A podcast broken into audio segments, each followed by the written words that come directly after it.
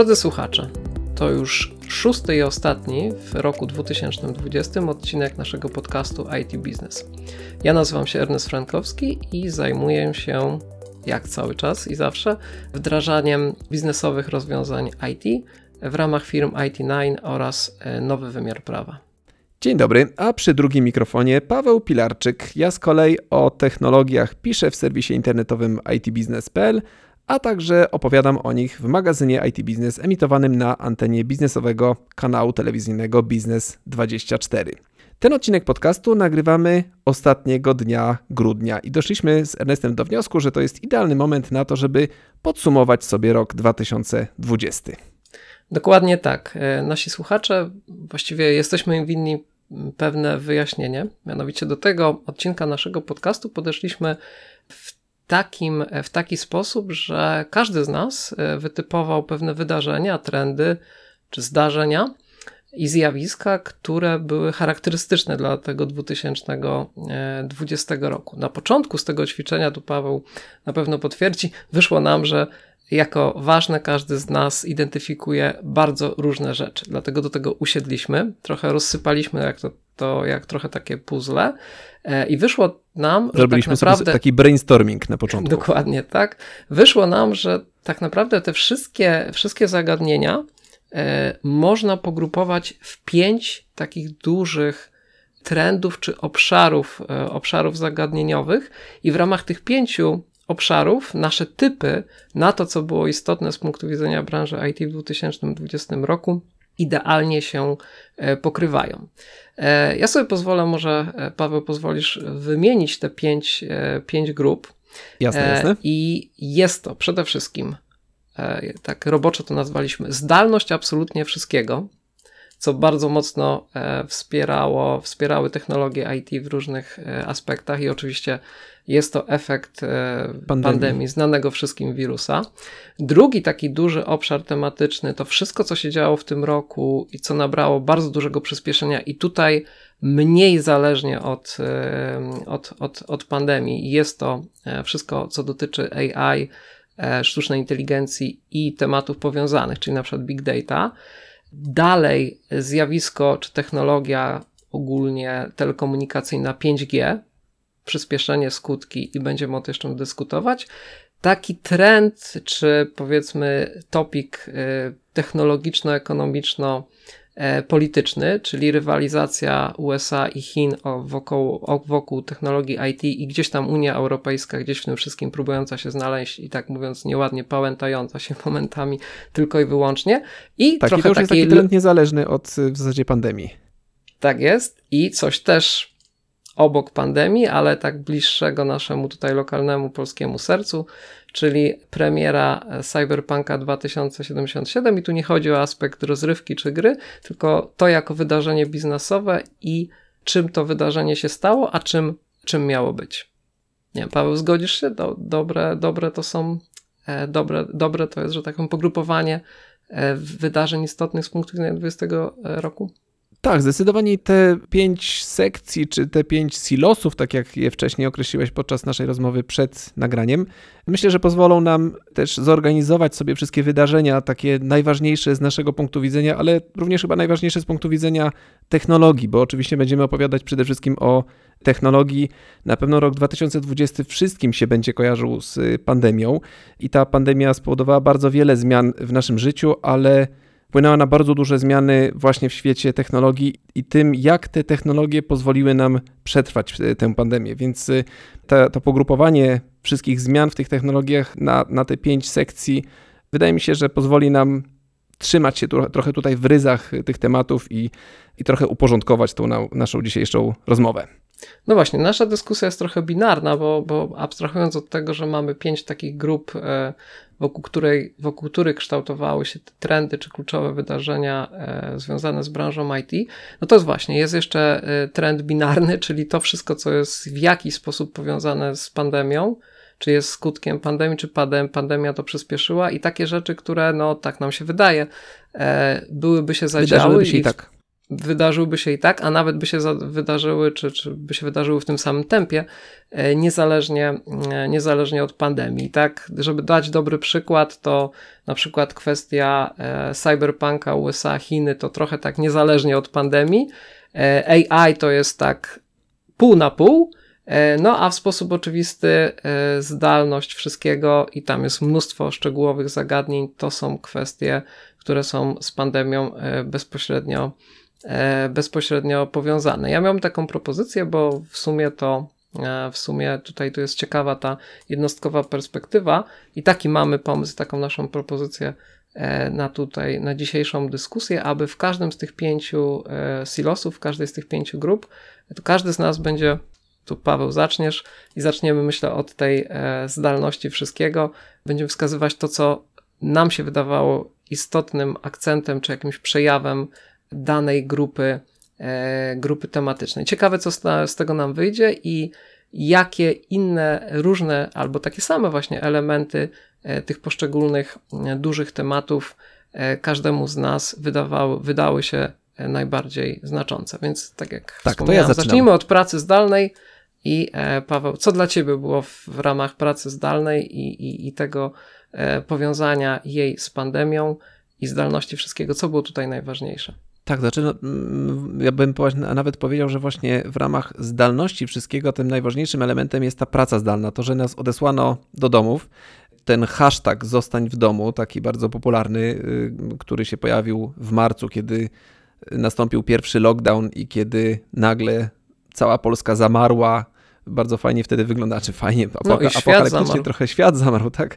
Ale tutaj z takiego naszego lokalnego podwórka y, ja pamiętam marzec, kiedy Y, kiedy nagle kazano nam siedzieć w domach i, y, i na, nawet nie pozwalano nam się poruszać samochodami, wręcz były problemy. Jeżeli, jeżeli pojechaliśmy na myjnie, to, to groziła nam, groził nam mandat za to, że myjemy samochód na myjni. Jak się jeździło po Warszawie chociażby samochodem, to ta Warszawa wyglądała tak apokaliptycznie. Nawet pewnie niektórzy nasi, nasi słuchacze widzieli filmy z drona nagrywane, jak wyglądała Warszawa w ciągu dnia.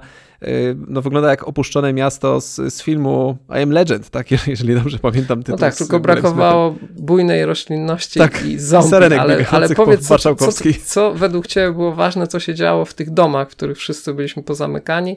I jak nam technologia IT pozwoliła sobie radzić z tą sytuacją, bo ja, żeby Cię tutaj może natchnąć, to, to podzielę się taką refleksją, że prawdę mówiąc mamy szczęście w nieszczęściu, że ta, tego typu pandemia dla w zglobalizowanym świecie przyszła teraz, bo wyobraź sobie, co by było, gdyby taki koronawirus już w globalnej gospodarce, ale na przykład 20 czy 30 lat temu by się wydarzył, gdzie nie byłoby internetu takiej przepustowości jak mamy, nie byłoby już tych wszystkich aplikacji do komunikacji i pracy zdalnej, którą, które po prostu rzadziej wykorzystywaliśmy, no to byłby taki faktycznie moment, że e, wszystko by się zatrzymało. Też był taki film, gdzie w w tytule było takie odniesienie do tego, że świat się zatrzymał, więc tu by było podobnie. Więc w tym sensie my mieliśmy technologie, które były gotowe do wzięcia spółki, nawet wdrożone były, można było je zastosować po to, żeby tak naprawdę w tym lockdownie wszystko w miarę działało, może trochę inaczej, ale jednak e, te koła, e, te, te trybiki gospodarki jakoś tam się kręciły. Więc jak, co ty sądzisz? Co tu było istotne w tym wszystkim? To, co powiedziałeś, że my tę technologię mieliśmy, czyli my mamy szybki internet, mamy e, wideokomunikatory, które pozwalają nam się łączyć z naszymi współpracownikami przez internet na wideo, widzimy ich e, na żywo, możemy z nimi porozmawiać, możemy z nimi współdzielić dokumenty, które mamy na naszych komputerach i rzeczywiście w bardzo wielu przypadkach, w przypadku takich przedsiębiorstw, które pracują w biurach, Y, przeniesienie tych pracowników do domów, jak się okazało, tak naprawdę niewiele zmieniło. I to nawet też bardzo był ciekawy trend, że wiele firm bardzo bało się tej pracy zdalnej swoich pracowników i wiele przedsiębiorstw się przygotowało do tego, żeby wysłać swoich pracowników do domów, ale firmy bały się, że nie będą w stanie nad tymi pracownikami zapanować, że nie będą w stanie kontrolować, jak ci pracownicy pracują, że nie będą w stanie nadzorować, czy wykonują swoje obowiązki. I wiele firm y, miało w planach przeniesienie tych pracowników do domów, ale te, te, plany były tak rozłożone na kilka lat y, i robiły różne jakieś eksperymenty takie bardzo nieśmiałe, a tu nagle się okazało, że zostaliśmy wszyscy zmuszeni do tego, żeby pracować z domów i okazało się, że ta praca idzie. Co więcej, idzie bardzo efektywnie, nawet w wielu przypadkach efektywniej niż gdy siedzieliśmy w biurach, ponieważ nikt nam nie przeszkadza, ponieważ niestety często pracujemy więcej niż 8 godzin, które pracowaliśmy wcześniej w firmie, ponieważ my nie kończymy pracy o 17, tylko jeżeli mamy jeszcze jakąś pracę do wykonania, to cały czas siedzimy przy tym komputerze do 18, 19, 20, więc niestety wpłynęło to również na przemęczenie bardzo wielu osób. Wiele osób narzeka, że w czasie właśnie pandemii w tej chwili czują zmęczenie, wypalenie, bo mają y, za dużo, za dużo pracy pracując w domu. Y, I to nam pozwoliło... Paweł, tak sobie myślę, że tutaj oddajesz się takiej pasji trochę e, społeczno-publicystycznej. No właśnie pytanie, e, pytanie jakie konkretnie technologie i... Mm, no i może, nie wiem, może, może, że tak powiem, mechanizmy znane ze świata IT pozwalały ten biznes podtrzymać. Ja bym tylko jeszcze zwrócił uwagę, że niestety tutaj trzeba zniuansować, bo my jesteśmy przedstawicielami czy usług, czy pracy biurowej, no ja ci muszę powiedzieć, że no mając pewną ekspozycję na biznesy i, i branże, no wszelkie możliwe, no to uwierz mi, i tu oczywiście nie chodzi o te, jakby powiedzmy takie typowe przykłady typu gastronomia, nie wiem, kina czy, czy, czy, czy, czy centra handlowe, e, ale jest mnóstwo branż, e, dla których to był Armagedon i technologia E, niewiele tu e, zmieniała, bo jak musisz po prostu złożyć jakiś złożony produkt, złożony z plastiku, no, metalu, szkła i tak czegoś, no to mhm. jakby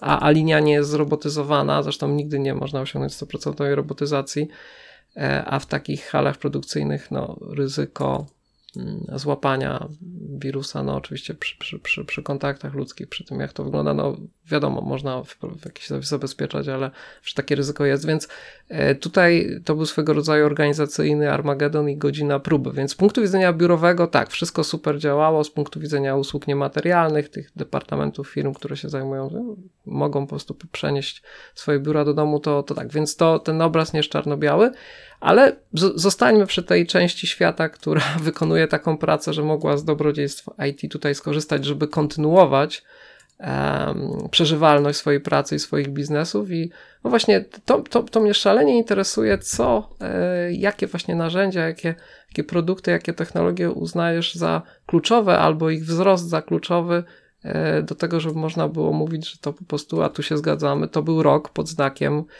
Zuma. E, takiego remote office. E, to już powiedziałem. Home office i, tak, już powiedziałem.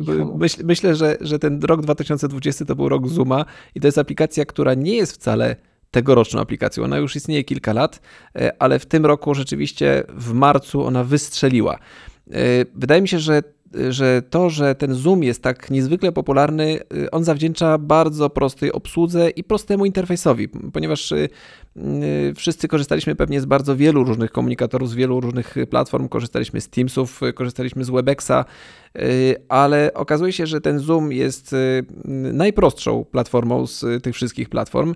W wersji darmowej możemy się łączyć w kilkadziesiąt osób, co prawda jest ograniczenie na 40, na 40 minut czasu połączenia, ale to w większości przypadków przypadków do takiego szybkiego wideokola wystarczy, więc nawet nie potrzeba by kupować subskrypcji, tylko w wersji darmowej wiele firm wykorzystuje tego Zooma do tych szybkich koli.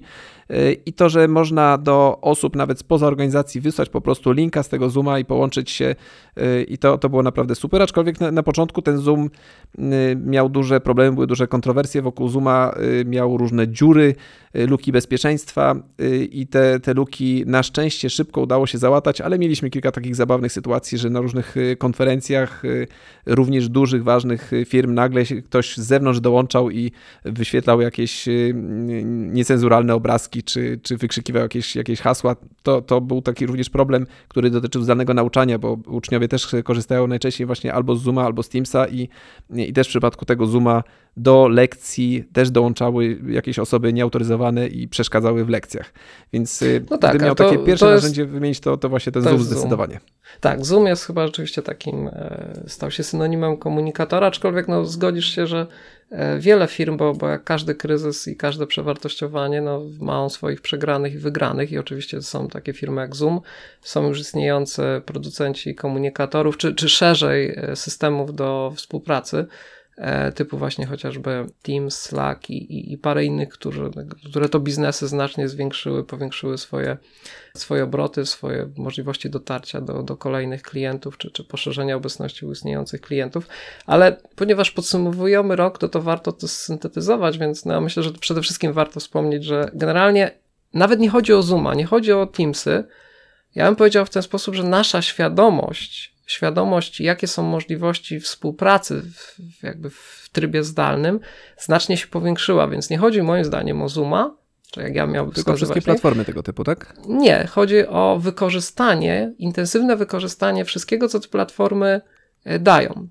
E, bo na przykład przed pandemią, przy dyskusji o spotkaniu zdalnych, to się okazywało, że no, to negocjować to najlepiej twarzą w twarz, brainstorming to robić w jednej salce, bo żeby się wszyscy, nikt się nie rozpraszał, jednocześnie, żeby można było um, rysować, jakiś um, design thinking i tego typu, tego typu pomysły. Nagle się okazuje, że w tych wszystkich e, aplikacjach E, i jest whiteboard, i jest kamera, i jest tryb sprawdzania obecności, i zgłaszania się do odpowiedzi. Tak, współdzielenie e, I tak, współdzie, tak, dokładnie, przejmowania kontroli nad ekranem kolegi czy koleżanki.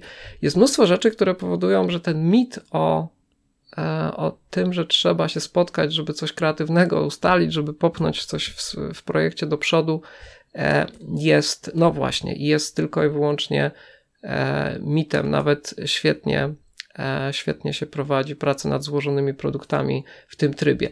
Idąc dalej, jakbyś mnie zapytał, co dla mnie było ważne, to właśnie syntetyzując to jakoś, to moim zdaniem epidemia e, przyspieszyła wszystko, co wiąże się z kolejnym osiąganiem kolejnego etapu informatyzacji w instytucjach, firmach, czyli co i tak by się działo, tylko po prostu pandemia to przyspieszyła, bo trzeba było to zrobić z dnia na dzień wręcz, no to jest całe digital transformation i coraz bardziej zaawansowane systemy. No praca zdalna, ale praca zdalna to nie tylko takie aplikacje, ale też jakby metodyka pracy e,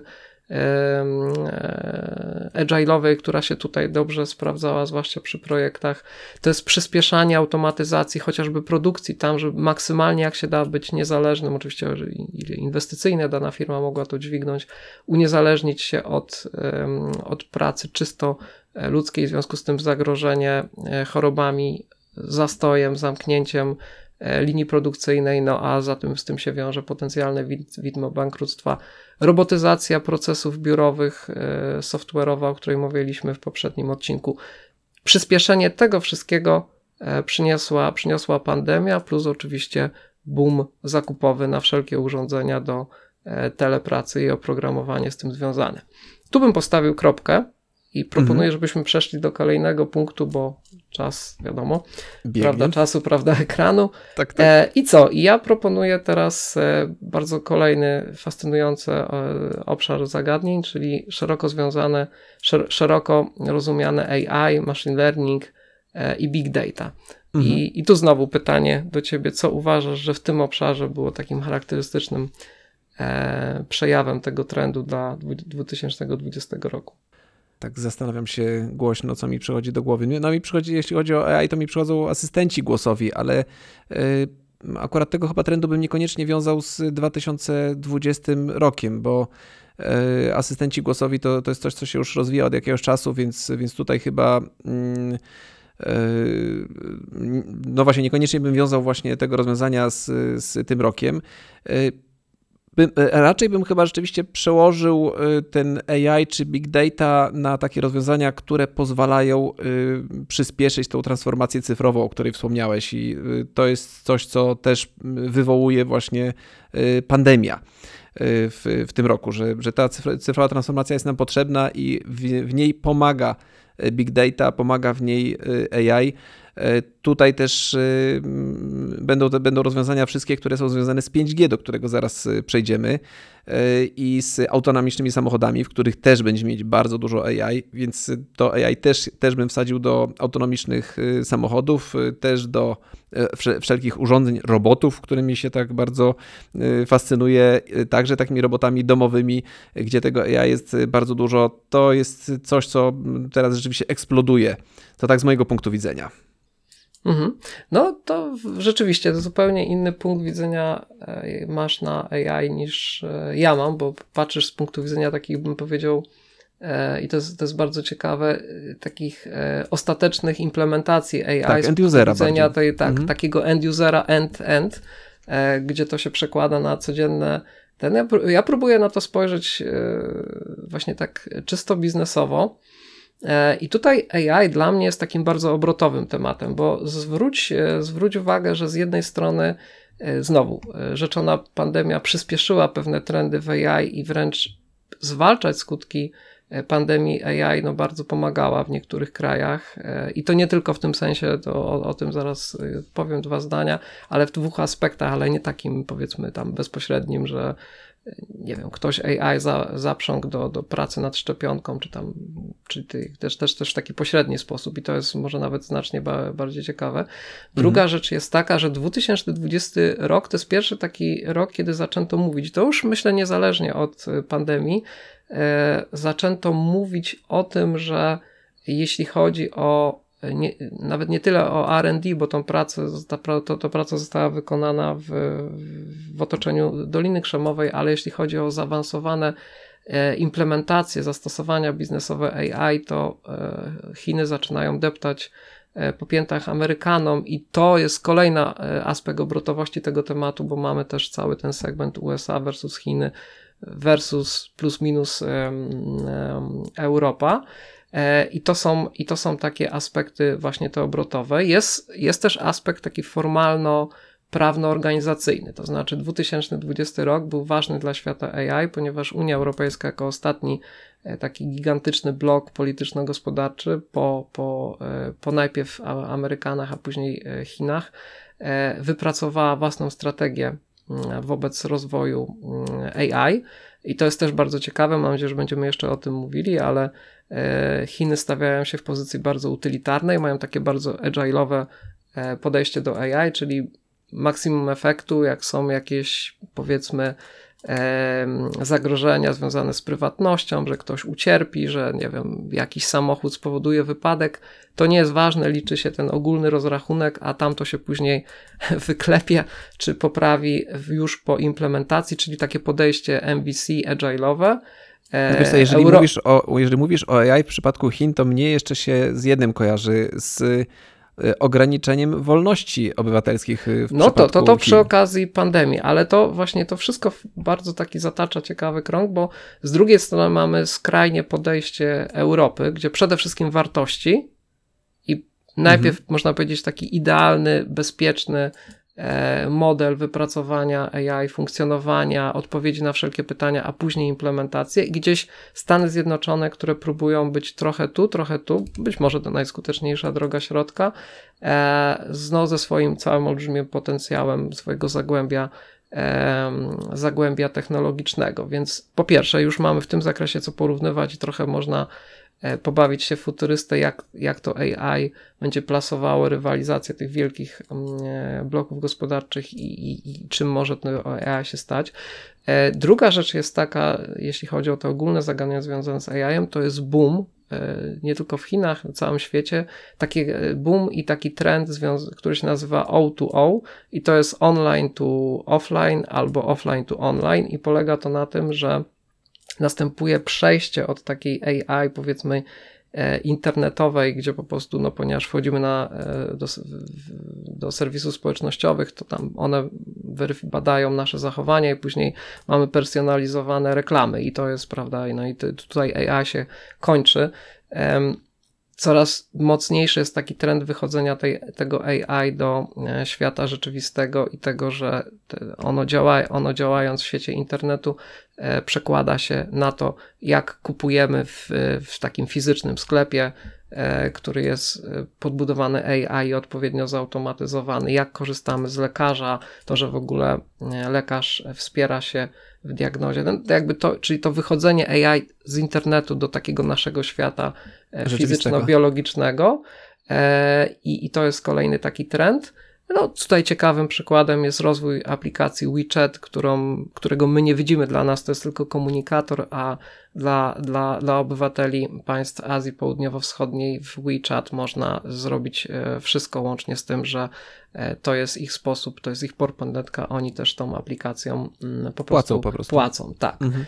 Więc, więc to są dla mnie takie kluczowe wyznaczniki związane z AI. No i oczywiście AI jako coś, co pomaga walczyć z pandemią, czyli, czyli to, co właśnie narusza, narusza prywatność, ale też to, co powoduje, że jesteśmy w stanie zostać dłużej w domu, no bo z, dzięki AI y, następuje ta konwergencja świata online i offline, i to zostawanie w domu, to to nawiązanie do pandemii nie jest tak dotkliwe, jakby mogło być w świecie bez AI. No to, to są te rzeczy, które w AI były e, ważne dla mnie.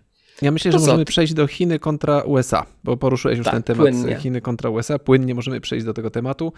Y, tak, to jest taki temat, y, który jest raczej niezależny od, y, od pandemii i, i ta, ten rozdział między Chinami, czy ta konkurencja między Chinami i Ameryką i tak by się wydarzyła. Ja tutaj z, z mojej perspektywy widzę bardzo to starcie na polu telekomunikacyjnym czyli głównie chodzi mi o firmę Huawei, o której bardzo dużo, y, bardzo głośno było w tym roku.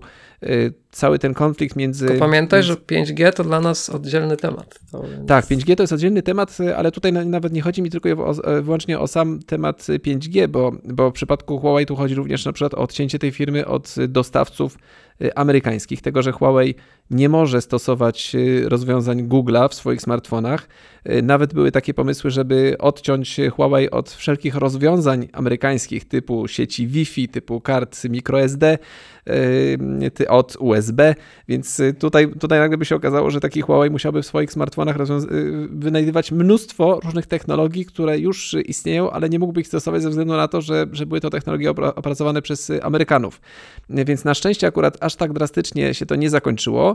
Natomiast na, widzimy, że już teraz na smartfonach Huawei nie mamy Y, pełnego Androida. Mamy, znaczy mamy system operacyjny oparty na Android Open Source Project, ale nie mamy usług Google'a, czyli nie mamy y, map Google'a, nie mamy Gmaila, nie mamy YouTube'a, y, nie mamy konta Google'a, które niestety jest wymagane przez bardzo wiele aplikacji na Androida, więc wiele aplikacji androidowych po prostu na smartfonach nowych Huawei nie działa.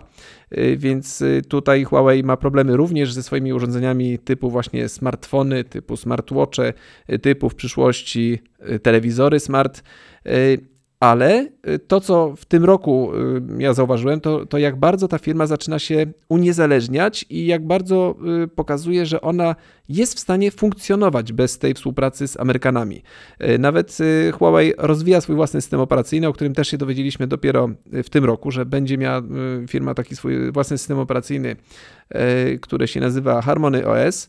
I ten system już w przyszłym roku ma trafić na pierwsze smartfony.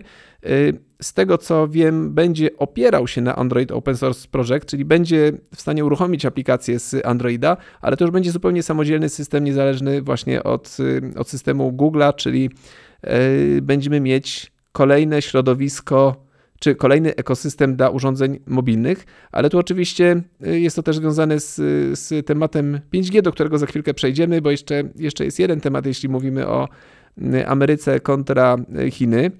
Chińczycy coraz więcej mają takich rozwiązań autorskich, które były rozwijane na początku na terenie na terenie Chin, tak jak wspomniałeś chociażby o tym WeChacie, który y, można z niego korzystać również w Europie czy y, w Stanach, natomiast jest to taka, takie rozwiązanie jeszcze bardzo mało popularne, ale coś, co jest niezwykle popularne, to jest TikTok.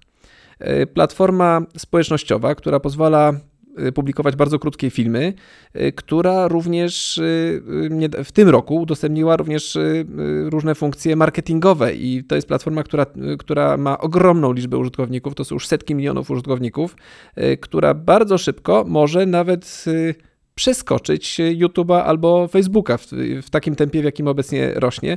Nawet Amerykanie myślą o tym, żeby zbanować TikToka na terenie USA. Tak to, tak to zapowiadał Donald Trump.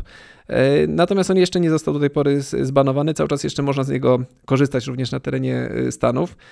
I to jest też tak, taka, takie kolejne rozwiązanie, które właśnie narodziło się tam w, w Chinach i które podbija świat w niezwykle szybkim y, tempie. Więc, więc to, to, są, to są takie tematy z mojej perspektywy, jeśli chodzi o USA kontra y, Chiny. A jakie w Twoim przypadku, o czym, o czym Ty myślisz, jak myślisz właśnie Chiny kontra USA? No, ja bym zaczął od tego, na czym ty skończyłeś, czyli, czyli TikTok, jakby abstrahując od jakby to, co, od tego, co można zrobić w ramach mm, tego serwisu, to e, ja bym powiedział, że e, dla mnie TikTok jest jednym z pierwszych, o ile nie pierwszym, takim e, globalnym startupem, który osiągnął status unicorna i, i po prostu nie wywodzi się jakoś tam z Doliny Krzemowej, więc to Czyli jest... jest wart miliard trochę... dolarów, tak? Czy ponad tak, miliard dolarów? Mhm. No, już no... To już grubo ponad, to więcej, dziesiątki tak, miliardów. Tylko, tak, tylko po prostu jest to globalne zjawisko, które no, swoich początków nie ma ten, y, no nie chcę ryzykować, że pierwsze, to jest to pierwsze tego typu zjawisko, ale z mojej perspektywy pierwsze tak znaczące i pierwsze, które pewnie się przebiło do, jako tak zdefiniowane do pewnej świadomości takiej mainstreamowej, więc to faktycznie e, coś, e, coś, coś znaczy, to znaczy wygląda to w ten sposób, że zresztą nawet jak się czyta i prasę taką powiedzmy branżową, ale też, ale też ale ekonomiczną czy, czy geopolityczną właśnie z wychodzącą czy wydawaną w Stanach Zjednoczonych i w Chinach, to jest takie poczucie po obydwu stronach, że Chinom udało się wytworzyć nie tyle E, jakby nie, oni nie mają już takich aspiracji, żeby tworzyć, e, tworzyć rozwiązania, które będą wchodziły do internetu, który jest definiowany przez standardy e, Doliny Krzemowej. Oni wytworzyli, jakby można powiedzieć, własny równoległy świat internetowy, który tam jakoś tam momentami jest pobridżowany z, z całą resztą, ale jest gigantyczny, ma wewnętrzny rynek i oni tam w stanie są e, wypracowywać własne rozwiązania, które rosną, kapitalizują się, nabywają doświadczenia, wychodzą poza etap MVP właśnie na tym lokalnym rynku bez łaski reszty świata, a później jak są silne, sprawdzone i w pewnych zakresach bywają innowacyjne, mogą przypuścić na mm, szturm taki biznesowy, ekonomiczny, rynkowy na resztę, że tak powiem, czy tą drugą część tego internetu.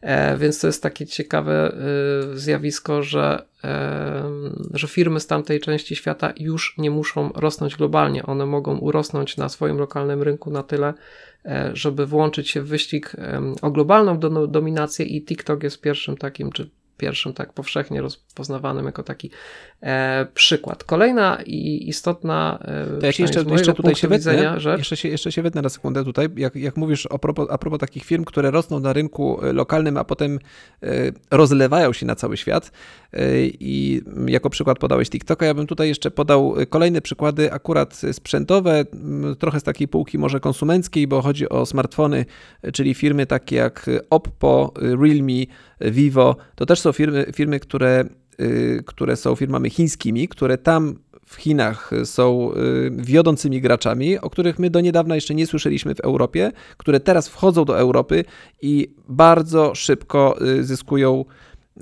rynek. O, I Xiaomi oczywiście, to jest też jeszcze no kolejna tak, firma. No ale to właśnie już... pokazuje, tak generalizując, jak istotne jest e, posiadanie E, posiadanie silnego rynku wewnętrznego, jako, że tak powiem, taką formę e, pomocniczą, taką bazę do tego, żeby zacząć na przykład karierę globalną jakiegoś produktu, usługi, firmy, nie, czego, czegokolwiek, no, nie, niezależnie czy to jest software hard, czy hardware. E, jest jeszcze jeden ciekawy trend, to znaczy mm, e, do tej pory wiele się mówiło o wielkiej czwórce technologicznej czasami, czy czasem, e, czy GAFA, czy też wielkiej piątce, jak dodawano do tego Microsoft, Microsoft który chociaż GAFA. gigantyczny, mhm. Gigantyczny do, to, do, tego, do tej GAFy, do tej czwórki często jakby nie jest dodawany, być może dlatego, że jest to firma też e, chyba najstarsza z nich wszystkich i tak może postrzegana jako najbardziej E, uniwersalna. Jeszcze może wyjaśnijmy ten, ten skrót, bo, bo może, może mhm. są jeszcze tacy słuchacze, Google, którzy nie wiedzą. Apple, e, Facebook, e, Amazon. I Microsoft. No, plus, minus Microsoft, to wtedy wielka piątka.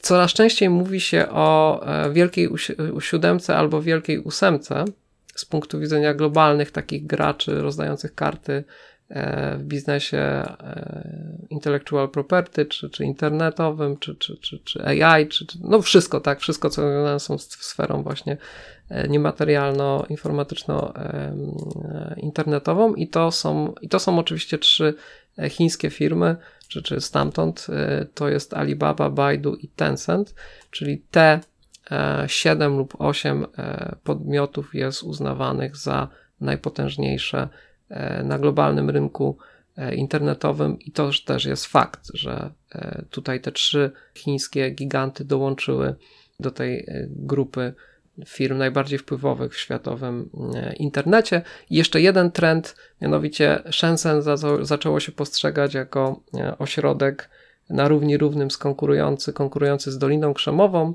jeśli chodzi o takie próby na przykład przyciągania E, wybitnych e, specjalistów, inżynierów, firmy, e, jakby jeśli chodzi o krzewienie tej kultury innowacyjności. Tam ciekawa różnica, którą oni też podkreślają w swojej linii, tak powiedzmy, informacyjno-PR-owej, mianowicie wskazują włodarze tego regionu, że Dolina Krzemowa to oczywiście jest e, gigant, to jest potęga, ale w wymiarze właśnie takim niematerialnym, software'owym, a oni dają wartość dodaną, to znaczy, że jednocześnie jest to olbrzymie zakłębie, gdzie wszystko, co można wymyślić, wymyśleć można też momentalnie e, przenieść i e, we wszelkie możliwe sposoby w każdej możliwej skali wyprodukować, zwłaszcza, że Chiny pozycjonują się jako giganci tego trendu online to E, offline i tutaj e, reklamują tą swoją osiągniętą konwergencję między abstrakcją, algorytmem, softwarem i przeniesieniem tego na przykład na te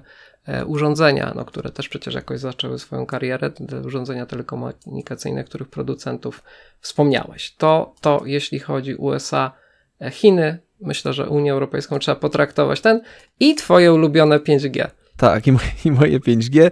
Tak, 5G ruszyło. Ruszyło w 5G także w Polsce.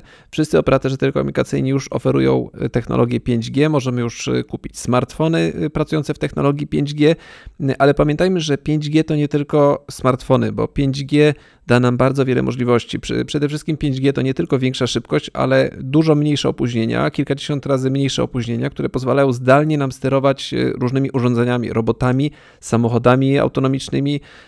No i Kolejna y, jeszcze rzecz w przypadku 5G to niezwykle duża pojemność tej sieci na, y, na pojedynczą antenę, czyli pojedyncza antena y, w technologii 5G potrafi połączyć się jednocześnie z milionami różnych urządzeń, co oznacza, że, że 5G pozwoli na, na boom rozwiązań internetu rzeczy.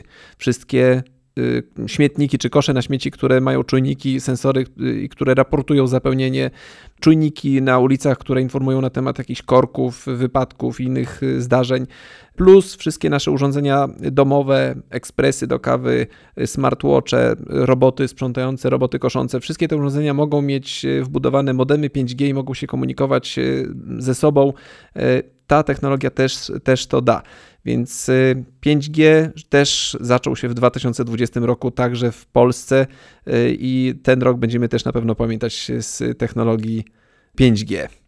Tak, zdecydowanie tak. Ja będę go pamiętał też z uwagi na e, jakby wszystkie takie e, dziwne teorie związane z e, tą, tą technologią, które zresztą tak, pamiętam, że ty bardzo aktywnie, no już jakby zostawmy przykłady, bo to chyba szkoda, E, szkoda, szkoda internetu, żeby o tym mówić, ale e, też e, powiedzmy i, i to, to podziękowania dla Ciebie, bo byłeś jedną z osób, która pieczołowicie obalała te szkodliwe mity związane z tą technologią, więc to jest to. Oczywisty fakt przepustowości. No ja tutaj bym, tu niewiele da się powiedzieć mądrego, poza tym też osobiście nie jestem jakimś specjalistą od telekomunikacji stricte, E, ale ja bym powiedział, że no, cieszę się na to 5G, bo AI, i, i, i, internet rzeczy, i to wszystko będzie mogło, i samochody autonomiczne, no to jest jakaś szyna danych w pewnym sensie, która to umożliwi e, w wyższym, w szerszym jakimś zakresie. I, i w ogóle umożliwi, ale ja bym jeszcze powiedział, że no 5G no jest takim pozytywną kwestią, bo gdyby nie daj Boże e, ten stan zagrożenia epidemiologicznego się E, przedłużał, albo podobny kryzys się przydarzy w przyszłości, no to tego typu technologia e, faktycznie tylko jeszcze bardziej może ułatwić jako takie przetrwanie, przetrwanie w tej, no właśnie w takiej nieweso niewesołej sytuacji. Tak, no i co, na deser, na deser został nam temat grudniowy i taki bym powiedział mocno rozrywkowy, ale z gorzkim posmakiem. Czyli cyberpunk. Dla, dla, dla, dla naszego, dla tak. naszego tutaj troszkę dotkniętego narodowego E, ego i, i, potrzeby identyfikacji się, identyfikowania się e, takiego grupowego z jakimś sukcesem, czyli Cyberpunk 2077. No właśnie, mieliśmy premierę tej gry przekładaną chyba trzy czy czterokrotnie, e, z tego co pamiętam, i gra się ukazała, była bardzo, bardzo duży był hype na tą grę, mnóstwo graczy na całym świecie oczekiwało na, te, na tę grę, po czym ukazała się i nagle ząg. Okazało się, że gra ma mnóstwo błędów, zwłaszcza na konsolach starej generacji, czy dotychczasowej generacji mm, PS4, czy PlayStation 4, czy Xbox One. Na tych konsolach ta gra jest praktycznie niegrywalna, y, no i to wywołało mnóstwo problemów, tak, związanych z cyberpunkiem. Tak, no dokładnie, dokładnie tak, to powiedziałeś w pigułce i tak jak mówię, co do tego, ile jest gry, gry w grze i czy to jest gra dobra, to może nie będziemy się wypowiadać. Tutaj też, przynajmniej ja osobiście nie miałem takiej, widziałem tylko wersję na komputery osobiste, która i tak jest, z tego co słyszałem, w najlepszym stanie. Dla nas ciekawy jest aspekt y, biznesowy całego tego procesu, bo, y, bo po pierwsze ten 20 rok Mm, był koronowaniem wielu lat tworzenia tej gry i od strony takiej kreatywnej, i od strony deweloperskiej, więc e, no to jest ciekawe, że tak długoletni, tak długi proces e, produkcyjny zaowocował no, jakby takimi technicznymi niedoróbkami przy ogólnej, tak jak słyszałem wielu recenzentów, wysokiej jakości no, gry i pomysłu na grę, fabuły. E, druga rzecz jest taka, że jest bardzo ciekawe w tym 20 roku jeszcze obserwowanie tego, jak wygląda proces taki PR-owo-komunikacyjny wychodzenia z tego kryzysu, jak ta firma sobie z tym radzi. To jest jakby z perspektywy. Myślę, że branża software'owa będzie długo jeszcze ten przypadek studiowała jako właśnie element, y, też pytanie, czy on się zakończy finalnie sukcesem, czy nie, a właśnie wychodzenia z sukcesu lub nie z takiego kryzysu wizerunkowego.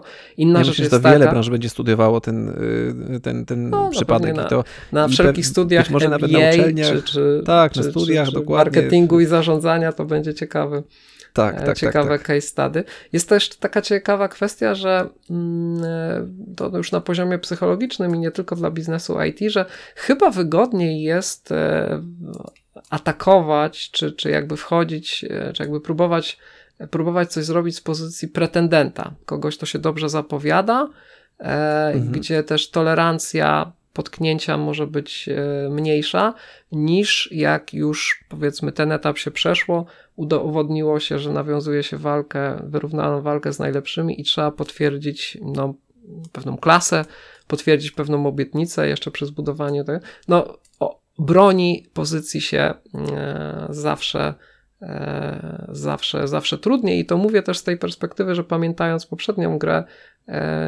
studia, które stoi, czy firmy, które są cyberpunkiem, no to na tej mojej wersji, znaczy na tej wersji, którą ja używałem, czyli komputerowej.